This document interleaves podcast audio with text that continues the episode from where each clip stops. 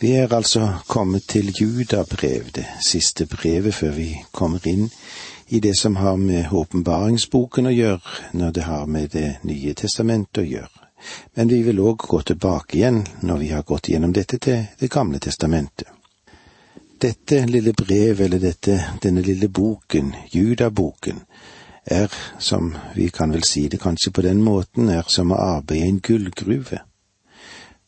Hvorfor det, da? Jo, fordi det finnes noen fantastiske gullklumper her som vi kan hakke løs, studere litt, ta til oss og føre det inn i vår sammenheng.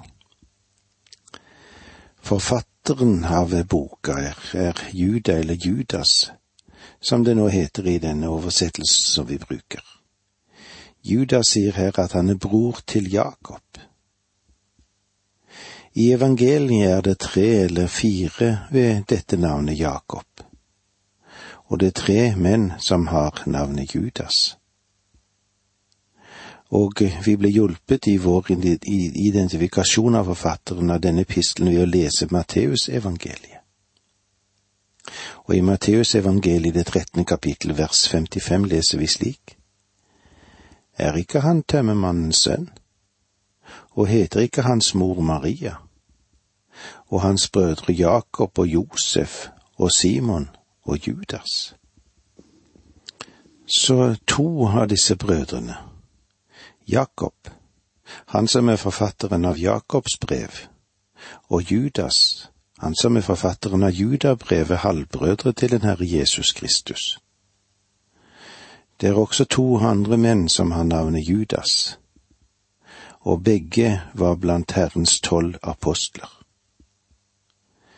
Den best kjente er selvfølgelig Judas Iskariot, den apostelen som forrådte Herren. Den andre apostelen ved navn Judas blir skilt ut på denne måten. Judas, ikke Iskariot, sier til ham, Herre, hva kommer det av at du vil åpenbare deg for oss og ikke for verden, som det står i Johannes 14, 22? Måten han blir identifisert på er nettopp ved at han ikke er Judas Iskariot. Derfor tror vi at forfatteren til dette brevet eller denne epistelen er den tredje Judas som Skriften nevner. Judas, Jesu Kristi sin halvbror. Legg merke til at verken Jakob eller Judas identifiserer seg selv som brødre av den Herre Jesus Kristus. Jakob, han presenterer seg selv som den Guds og Herren Jesu Kristi tjener. Og Judas, han introduserer seg selv som Jesu Kristi tjener og Jakobs bror. Judas han kaller seg selv tjener, som betyr frivillig slave for Jesus Kristus. Hvorfor understreket ikke Jakob og Judas sitt blodfellesskap med Jesus? Jeg tror at årsaken den er ganske åpenbar. Verken Jakob eller Judas trodde på Jesu ord om at han var Messias før etter hans oppstandelse. Det var oppstandelsen som overbeviste dem og bekreftet for dem at Jesus var den som han påsto seg å være. Frem til da hadde de trodd at han var mer eller mindre forskrudd på grunn av sine religiøse grublerier. Og eh, som Bibelen òg sier, han er fra seg selv. Men etter hans oppstandelse, da ble de troende. Det er forunderlig at det var mulig å vokse opp i et hjem med Jesus da han vandret her nede og ikke var klar over at han fullt og helt hadde med Gud å gjøre. Og jeg tror at Salme 69 ser at han led av ensomhet. Jesus han led av misforståelse under disse oppvekstårene i Nasaret. Derfor følte vel hans brødre selv om de var fostret opp sammen med ham, så kjente de ham egentlig ikke. Ja, de kjente han ikke i sin barndom og ungdomstiden. Eller slik som Paulus uttrykker det, så kjenner vi ikke lenger noen bare slik mennesket gjør. Og har vi kjent Kristus slik, gjør vi det ikke lenger.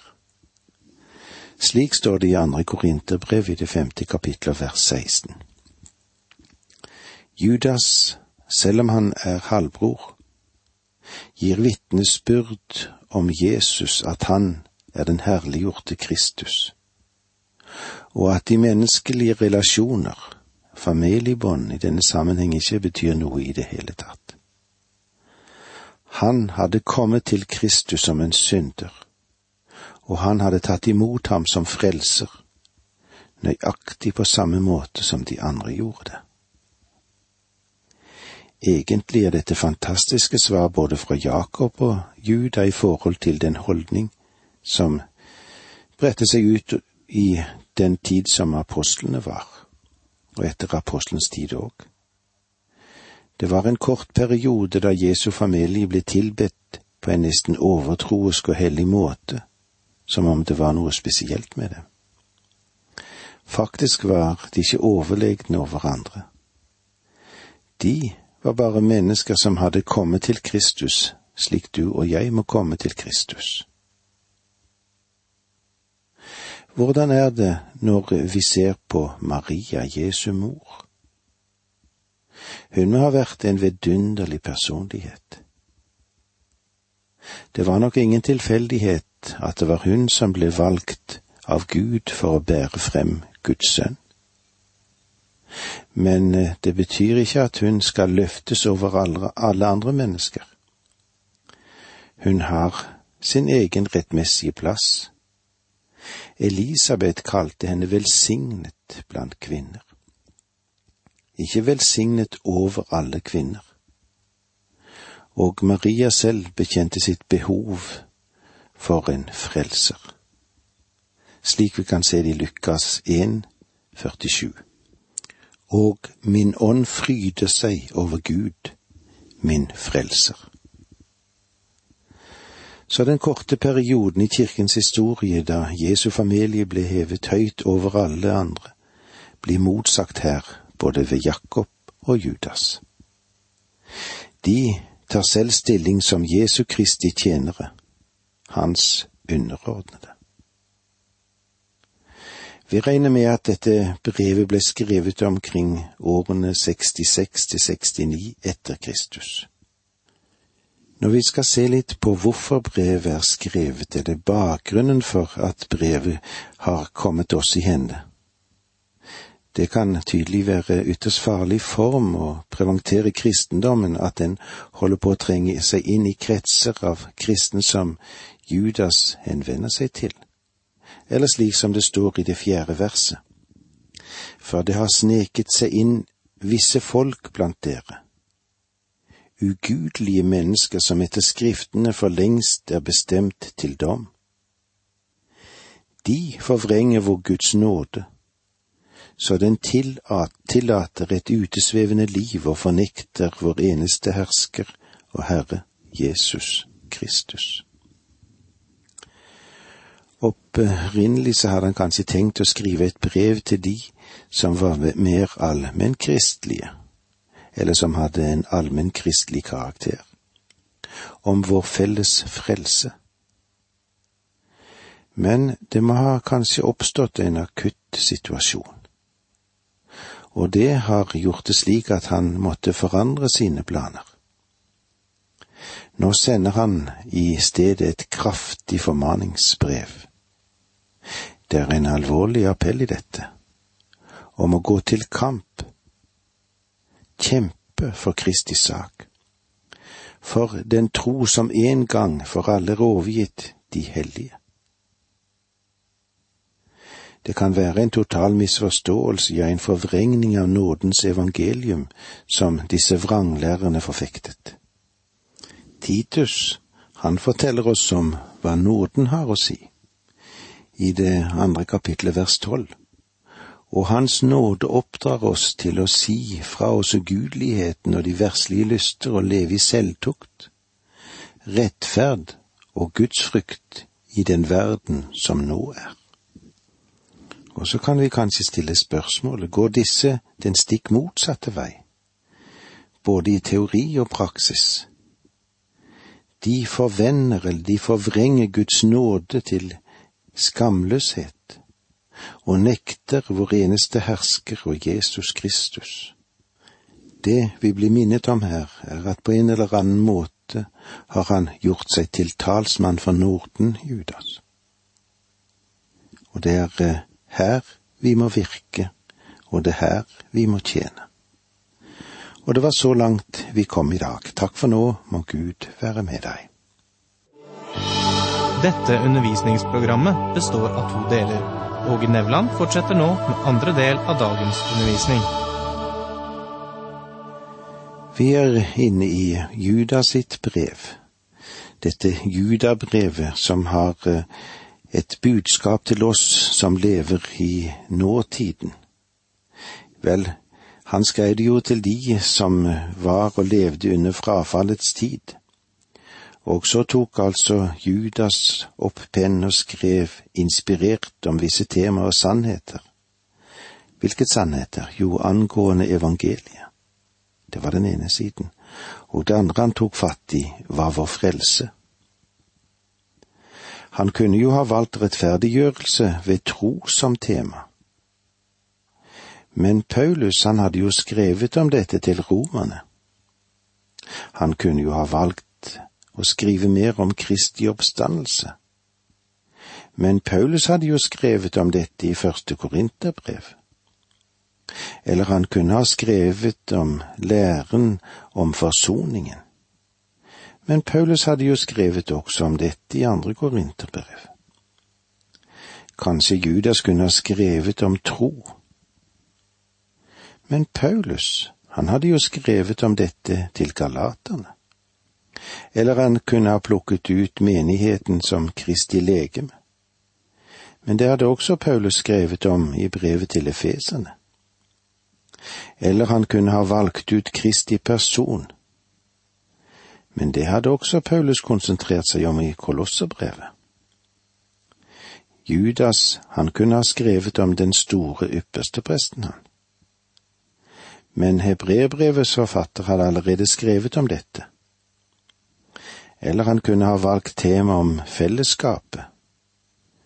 Men det ville Johannes skrive om noe senere.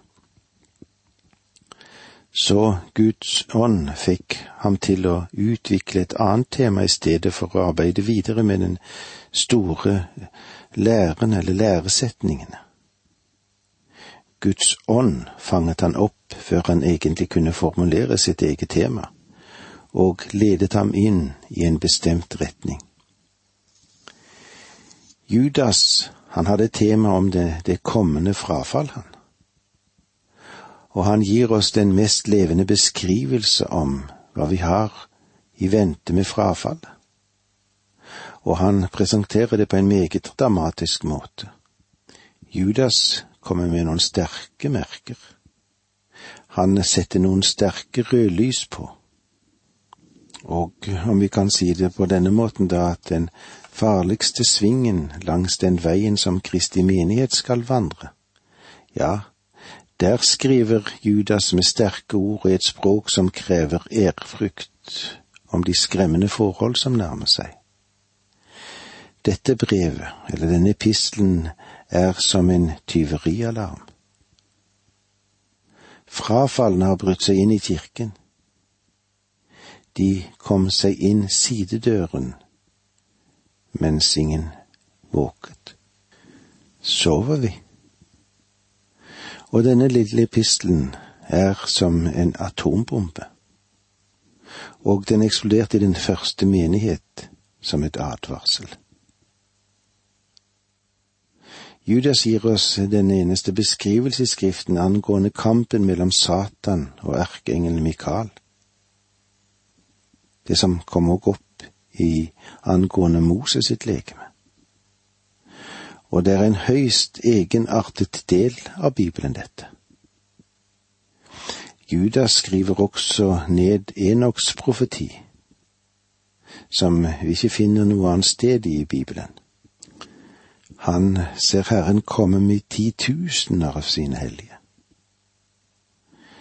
Denne lille Judas-profetien gir oss en passende introduksjon til åpenbaringsboken. Men hvis vi vil se på en innholdsfortegnelse av denne boken, så kan vi kanskje dele det inn i tre avsnitt. Det første, bakgrunnen for epistelen i versene én til tre. Og de to første versene der, da de troendes visshet. Og i de tredje, temaet endres i retning av frafall. Det andre hovedpunktet, frafallets forekomst, som vi vil se i versene fire til 16. Og så har vi det tredje hovedpunktet, da, hva troende må gjøre under frafall, versene 17 til 25. Bakgrunnen for Judas sitt brev I de første tre versene gir Judas årsaken til at han skriver denne boken. Judas forteller oss at han hadde til hensikt å skrive om noe angående vår frelser. Men så var det da slik at Guds ånd førte ham i en annen retning, og ba han advare mot frafallets tid som ville komme over menigheten. I det vi går inn i nå, kan vi vel sette som overskrifta De troendes visshet. I vers én leser vi slik. Judas, Jesu Kristi tjener og Jakobs bror, hilser de kalte, de som er elsket av Gud Fader og bevart for Jesu Kristus. I Det nye testamentet er det altså tre menn som bærer navnet Judas men vi har gode grunner til å identifisere forfatteren til denne epistelen med halvbror til den Herre Jesus Kristus. Jesu Kristi tjener. Ordet tjener er bokstavelig talt trofast slave. Han krever ikke noe blodfellesskap med den Herre Jesus Kristus, som om han skulle ha hatt en overordnet stilling blant apostlene. Og det som sies her, det bør legge død den forestilling som spredte seg i oldkirken, i den etterapostoliske tid, at eh, familien til Jesus var noen særlige hellige mennesker. Jakobs bror, som jeg sa i innledningen, som er den måten Judas identifiserer seg selv på. Både Jakob og Judas, de var Jesus sine halvbrødre. Og Jakob var forfatter av en epistel som bærer navnet hans. Han ble nevnt av apostelen Paulus som en av pilarene i menigheten i Jerusalem. De som er elsket av Gud Fader og bevart for Jesus Kristus. Dette er noen vidunderlige ord. Vi er elsket og bevart. De som er elsket av Gud Fader og bevart for Jesu Kristi navns skyld. Jeg vil gjerne ta for meg noe av det viktige som ordene i denne sammenheng har å si oss. Det første ordet er bevart. Det er dette ordet som gir oss nøkkelen til Judas sitt brev, og som presenterer frafallet som ikke kan beskrives på noe annet sted eller på denne måten som det blir gjort her i Bibelen. Det er fryktelig det Judas har å si oss, egentlig. Men Judas skriver ikke dette for å skremme vettet av oss. Han skriver heller ikke for å informere ved å tegne et levende bilde av forholdene men han gir oss denne bakgrunn for at han skal kunne meddele visshet i frafallets tid. Han bruker ordet bevare fire ganger. De er bevart i Jesus Kristus. Gud er den som bevarer. Og hvis du slår opp og ser i vers 21, så står det slik der.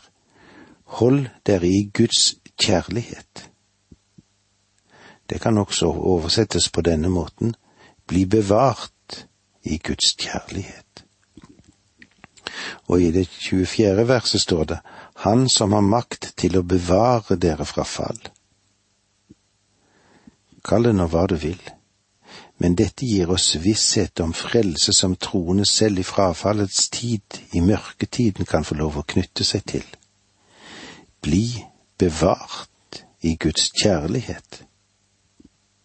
Han som har makt til å bevare dere fra fall. La oss se igjen på ordet bevare. Det er interessant å legge merke til at i den fysiske verden er det to måter å bevare mat på. Den ene måten er med eddik, og den andre måten å bevare maten på er med sukker. Det finnes mange av troens folk i våre dager som synes det, de er bevart bra nok som det er, men de er bevart i eddik.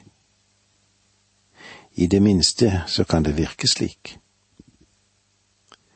De har en eddiksdisposisjon, og det er andre av de hellige som er bevart med sukker. De er sukker og krydder og all slags annet hyggelig. Og det er både menn og kvinner som er slik. Men selv om de synes å bli bevart i eddik, bli bevart ved Guds nåde, det som bevarer og oppholder dem.